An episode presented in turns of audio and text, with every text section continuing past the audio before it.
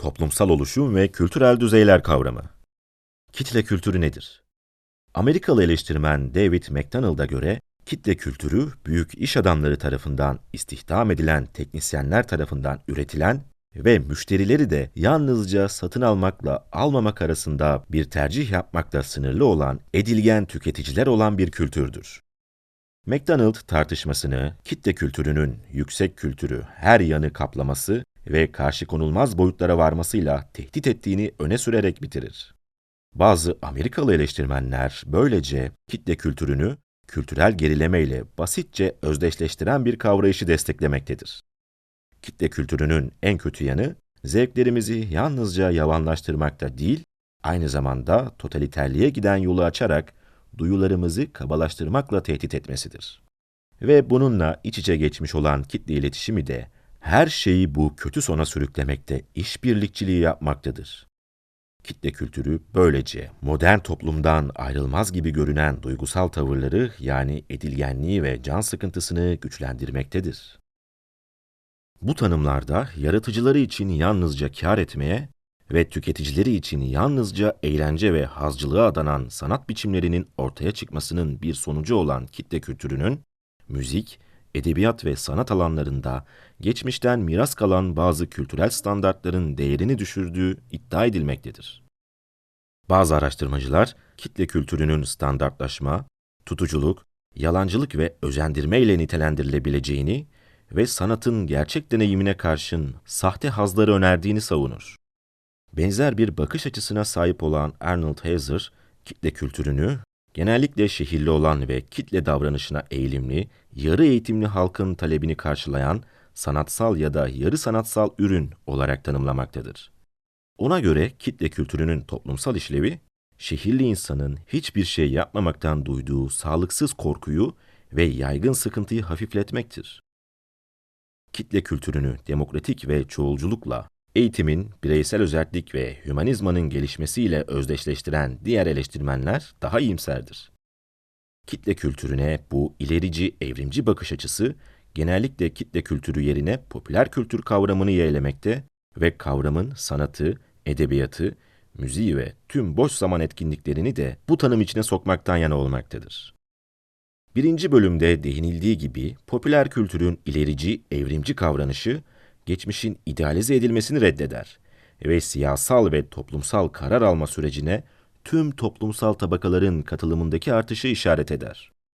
Yüksek kültürün galip geldiği ve yüksek kültür muhafızlarının toplum üzerindeki etkilerinden emin oldukları 19. yüzyıl toplumunda yoksulluk, cehalet ve dışlanmışlık ön plandaydı. Teknolojinin hızlı gelişimi ve okur yazarlıkla iletişimin yaygınlaşması, kitleleri kabalaştırmak yerine demokratikleştirmiştir. Bu iki karşıt bakış açısı arasında herhangi bir köprü kurulmamış gibi gözükmektedir. Büyük öncelikli kapitalist üretim, kültürel farklılık ve çoğulculuğun ve sivil toplumun çöküşünün nedenidir.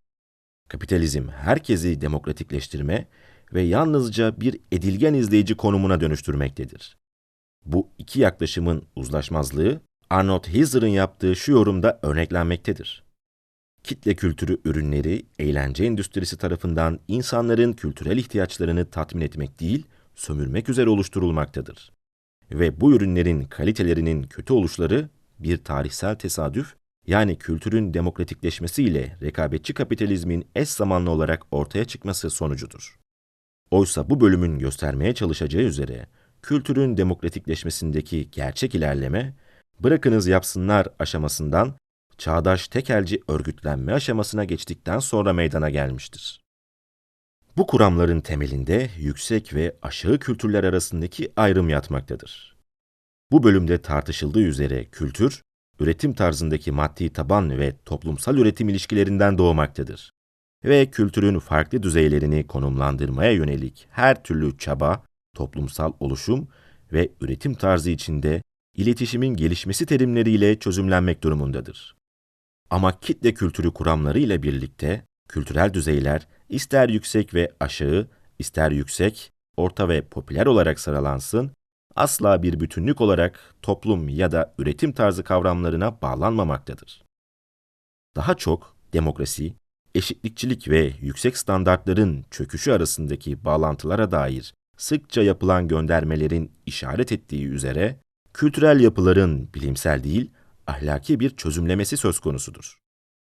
Kütüphanelerden ödünç alınan kitap sayısında gözlenen artışla, edebi olan ve olmayan eserlerin ucuz basımlarının piyasada çoğalmasının kanıt teşkil ettiği okuma alışkanlığındaki artışın, popüler romanlardaki yüksek kitlesel üretimin aynı oranda artmasıyla etkisiz hale getirildiği ve de kültürün bir anlamda proleterleşmesi eğilimi sonucu, istikrarlı bir başarılar bütünü olan kültürün zorunlu olarak çöktüğü gibi budalaca fikirler ileri sürülmüştür.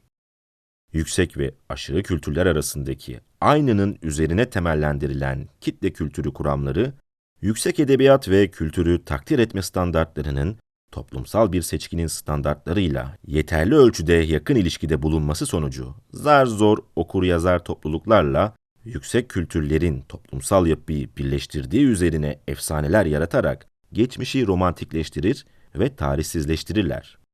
Buna karşıt olarak mükemmellik yerine eşitliği tercih ettikleri için kitle toplumlarında yaratıcı seçkinlere yer yoktur. Bunun yerine profesyoneller tarafından pazar için üretilen bir kültür ortaya çıkar. Kültürel olarak yaratıcı seçkinleri ortadan kaldıran kapitalist toplumdaki demokratik eğilimlerin sonucu olarak kitlelerin yüksek kültürü tehdit ettikleri görüşü, ekonomik değişme ile kültürel gelişme arasında doğrudan bir ilişki olduğunu varsayar. Elbette ki üretim tarzı ve toplumsal ilişkiler özel sermaye tarafından değiştirildikçe hem siyasal hem de kültürel yapılar dönüşmektedir. Ama bu dönüşüm mekanik değildir. Değişim, toplumsal oluşum kavramı ekonomik yapıdan kısmen özerk yapısal düzeyler olarak tanımlandığında eşitsiz ve çelişkilidir. Kitle kültürü kuramının böylesi bir toplum kavrayışı yoktur ve böylelikle kültürün demokratikleşmesini Burjuva hegemonyası ile Burjuva kamusal alanı arasındaki karmaşık ilişkilerden kopuk, engellenemez ve evrimsel bir süreç olarak algılar. Kültürün demokratikleşmesi sorunu ancak özgül, tarihsel belirlenimleri ve gelişimi, özellikle de okuma ve yazma alışkanlığının insan bilincini ve eylemini yaratması bağlamında ele alınmak durumundadır. Modern kültürün diyalektiği, okur yazarlık ve kitlesel tüketimin siyasal sonuçları. Önceki bölümde 19. yüzyıl burjuvasının karşılaştığı meşruiyet krizinin, burjuvazinin yönetici sınıf olarak tahakkümünün önce eski yönetici sınıflara karşı işçi sınıfının, ardından da potansiyel olarak aristokrasinin desteğine dayanmasından kaynaklandığını tartışmıştık. Yani burjuva demokratik kültürünün yayılmasına karşı gelişen muhalefet esasen siyasaldı ve okuryazarlığın işçi sınıfını radikalleştireceği ve kültürel standartları düşüreceğine ilişkin korkuya dayanmaktaydı. Bu tür hisler ifadelerini okuma alışkanlığının çok edilgen hale geldiğine, zihni dumura uğrattığına dair yaygın düşüncede bulmaktaydı. Meşruiyet krizi, proletaryanın kapitalist ekonominin ve meta üretimin sıkıcı zorunluluklarının boyunduruğu altına girmesiyle çözülecek, böylelikle de Marx'ın deyişiyle işçi sınıf eğitim, gelenek ve iş disiplini dolayımıyla itaat etmeyi öğrenecek, kapitalist üretimin özgül tarihsel koşullarını toplumsal değil, doğal güçler olarak kabullenecekti. Burjuva hegemonyasının demokratik kurumları gerçekleşen eklemlenme, yaygın demokratik kültürün, yani şimdilerde kitle kültürü adı verilenin, var olmadığı koşullarda oluşmuş bir şey değildir. İşçi sınıfı, aldığı düşük ücret ve satın alma gücünün olmayışı göz önüne alındığında daha tüketime yönelmiş kabul edilmemekteydi. Çünkü burada vurgulanması gereken nokta, proletaryanın pasif bir kitle olduğu değil, etkili ve bağımsız bir işçi sınıfı önderliğinin bulunmadığı koşullarda, ekonomik ve siyasal kurumlardan doğrudan doğruya süzülüp gelen burjuva ideolojisinin baskısına karşı durmanın mümkün olmadığıdır. Burjuvazi kültürel düzeyde güçsüzdü. 19. yüzyılın sonlarına doğru beliren yeni ticari kültür, din, siyaset ve çalışmanın dışında yegane ama büyük ölçüde etkisiz kültürel eklemlenme biçimiydi. Etkili bir kütüphane hizmeti mevcut değildi. Zaten var olanlar da çoğunlukla orta sınıf tarafından kullanılmaktaydı. Söz konusu olan tek şey kısıtlı bir eğitim ve yıpratıcı uzun iş saatleriydi. 19. yüzyıl boyunca gelişen yeni popüler kültür hiçbir zaman için salt işçi sınıfına yönelik değildi. O dönemin dergilerini takip edenler, kentli proletarya değil, dönemin yeni beyaz yakalı işçi tabakasıydı. Vicky Collins, Agnon Public'i yazdığında, kastettiği hem okur-yazar vasıflı işçi, hem de 20. yüzyıla gelindiğinde yeni kütüphane hizmetlerini kullanan ve popüler dergi, gazete ve edebiyatı destekleyen yeni yetme orta sınıftı. 1903 yılındaki tipik bir ürün Woman's World adlı dergiydi. Bu dergi doğrudan doğruya gezintiler ve çay aralarında kendilerini eğlendirmesi ve eşlik etmesi amacıyla ev kadınları, dükkan ve bürolardaki hanımlara ilginç, eğlenceli ve faydalı olması amacıyla da fabrika işçilerine sesleniyordu. Yani eğer bir kitle kültürü söz konusuysa, bu işçi sınıfının kapitalist topluma değil, orta sınıfın ticari burjuva kültürüne eklenmesinden kaynaklanmaktaydı. Böylelikle eğer yüksek kültüre yönelik bir tehditten söz edilecekse, bunun kaynağı işçi sınıfı değil, oy verme alışkanlıkları, yaşam tarzları ve ideolojik varsayımlarıyla kapitalizmin değerlerini eleştirmeksizin kabullenen toplumsal tabakaydı. Öyleyse popüler kültür nedir? Gördüğünüz gibi bu kavram dini, edebiyatı, halk oyunlarını, bilim kurguyu, korku filmlerini, 19. yüzyıl halk türkülerini, kırsal şiirleri vesaireyi kapsamaktadır. Sözde halk kültürü ile popüler kültür arasındaki temel farklılık, ikincisinin bir kitle kavramı ve iş bölümüyle kültürel nesnelerin mekanik üretimi üzerine kurulu bir üretim tarzına dayanmasıdır. Genel olarak kitle kültürü kuramına yönelik yöntemsel yaklaşım, tüketimden ziyade üretimi vurgulamakta, böylelikle de burjuva demokratik kültürün popüler kültürle ilişkisini birbirine karıştırmaktadır. Oysa burjuva kültürünün bir parçası olan popüler kültür, bireyin toplumsal bütünle ilişkisine aracılık etme işlevini gören bir meta türünden başka bir şey değildir. Burjuva demokratik kültürünün temel eğilimleri 20. yüzyıl boyunca karmaşık ve çelişkili şekillerde gelişmiştir. Toplumsal ilişkileri ve siyasal yapıları düşündüren ve toplumsal oluşum içinde birçok kültürel düzey yaratan kapitalist üretim tarzı, kültürü sürekli olarak kökten değiştirir. Her tür kültürün maddi temeli teknoloji, bilim ve iletişimdir. Ve bu anlamda da kapitalizm ve onun yarattığı kültür, yüksek bir noktadan alçak bir noktaya düşüşü yaşamış değildir.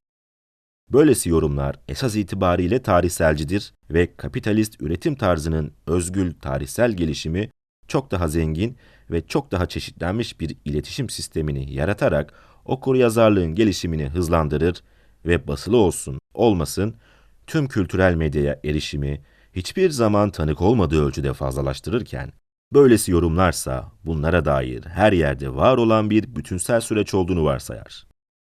Fakat kapitalist kültür duraklamadığı ya da gerilemediği halde, Burjuva demokratik kültürünün potansiyel evrenselliği gerçekleşmiş değildir.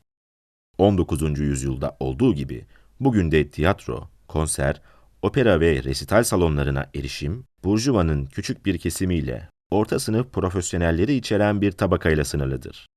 Resim ve heykelse özel koleksiyonlarda gözden uzak muhafaza edilmektedir. Aynı şekilde nüfus artışını geride bırakacak şekilde çoğalan ve kültürel kurumların en demokratiği olan kamuya açık kütüphaneler, Amerika'da hemen hemen halkın %30'unun erişimine hazır hale gelmiş ve orta sınıf iletişiminin esaslı bir parçası konumunu almıştır. Ama yapılan araştırmalar kütüphaneden ödünç kitap alanların %10'undan azının işçi olduğunu, halkın %32'sinin kütüphaneyi hiç kullanmadığını ve nüfusun ancak %2'sinin basılan kitapların yarısını okuduğunu göstermektedir. Demokratik kültürün doğasının önünde ciddi sınırlamalar varsa da, kitlesel çapta mekanik üretimin gelişimiyle birlikte kültür giderek daha demokratik hale gelmektedir. Televizyon ve radyo, müzik ve operayı, tiyatroyu daha erişilebilir kılmıştır. Mozart ve Shakespeare, tarihteki tüm toplam seyircilerinden daha fazlasına ulaşabilmektedir.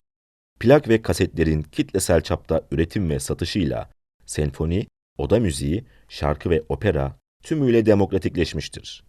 Kütüphane hizmetinin sınırlı kullanımının sonucu olan ve ucuz baskı kitap devrimi olarak adlandırılan devrim tüm halka ulaştırılabilmiştir. 1960'ta basılan eser sayısı 6000 iken bu sayı 70'te 40 bine sıçramıştır.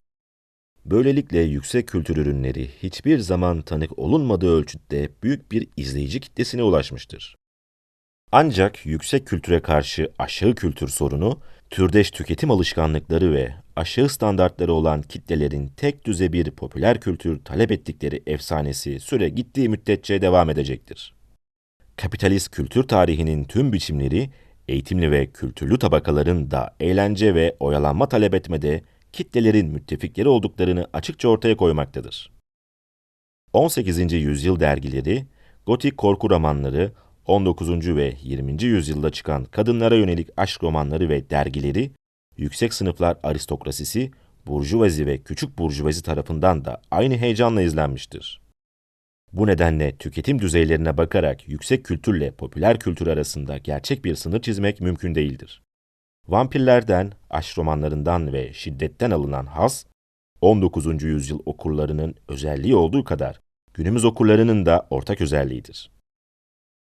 Çizgi romanlar üzerine yapılmış kısıtlı sayıdaki Marksist çözümlemelerden biri, Donald Duck'ın Mickey Fare ve Goofy gibi Disney karakterlerinin görünüşteki masum dünyalarında kapitalist değer ve toplumsal örgütlenmeye uyumun nasıl da hikayenin seyrini ve tek tek karakterleri belirlediğini göstermektedir.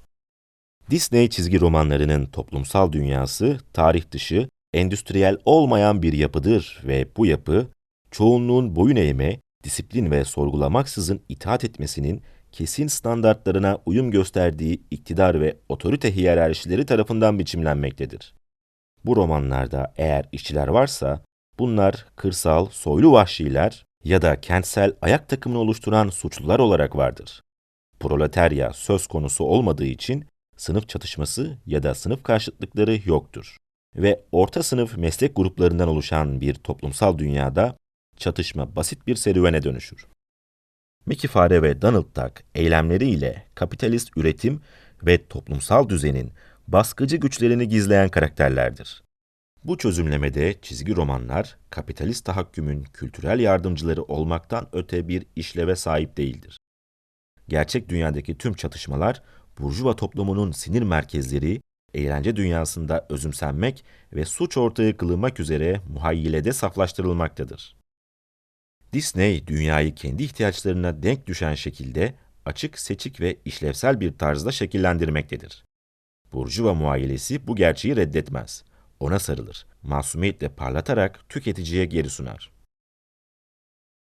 Hümanizm, Sosyalizm ve Kültür Lewis Fiction and Reading Public adlı önemli çalışmasında okur kamunun çözülmesi adı verdiği olguyu 19. yüzyıl sonları ve 20. yüzyılın başlarındaki tepe noktasından önemli yazarların geniş okur kitleden yalıtıldığı çağdaş duruma dek tasvir etmektedir.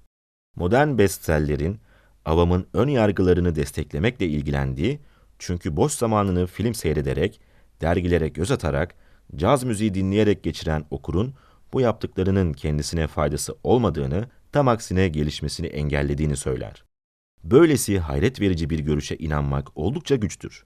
Ama kitle kültürü tezi bağlamındaki edebi biçimin bu görüşü, endüstriyel ve teknolojik değişikliğe muhalefeti vurgulamaktadır. Lewis'in diğer eserler üzerine görüşleri göz önüne alındığında, bu tür bir bakış açısının hiçbir geçerliliğinin olmadığı kendiliğinden ortaya çıkar. Ama ucuz kitap basımının bedava ve herkese açık kütüphane hizmetinin gelişimi ve eğitim imkanlarının artışıyla bu okuması güç ama önemli yazarlar daha düzenli ve geniş bir okur kitlesi elde etmişlerdir. Lewis ve diğerlerinin kültürel düşüşe neden olarak saptadıkları tam da bu demokratikleşmedir. Ancak bu demokratikleşme süreçleri en azından sözü geçen düzeyde kültürel canlılık yaratmıştır. Okuyan halk bırakın makinenin etkisi altında çözülmeyi boyut olarak büyümüş ve okuma alışkanlıkları tarihte hiçbir dönemde olmadığı kadar çeşitlenmiştir. Lewisler ve Frankfurt okuluna mensup eleştirmenlerin yüksek, orta ve aşağı kültürler arasında çektiği sınırları bulandıran tam da bu süreçlerdir. Kültürün hazcı ve oyuncu unsurları en az entelektüel olanlar kadar önemlidir. Yüksek düzeyde kültürlü ve bilgili olmalarına rağmen hem Rose Luxemburg hem de Jean-Paul Sartre polisiye romanlarının tutkunudur. ya da Beethoven sanatlarını sevenler aynı zamanda modern futbol karşılaşmalarının karmaşıklıklarından da eşit derecede haz alırlar. Kolektivist eğilimler, modern iletişim ve kültürel medya başta olmak üzere kapitalist toplumsal oluşumun ve karmaşık düzey ve yapılarının gelişimini nitelemektedir.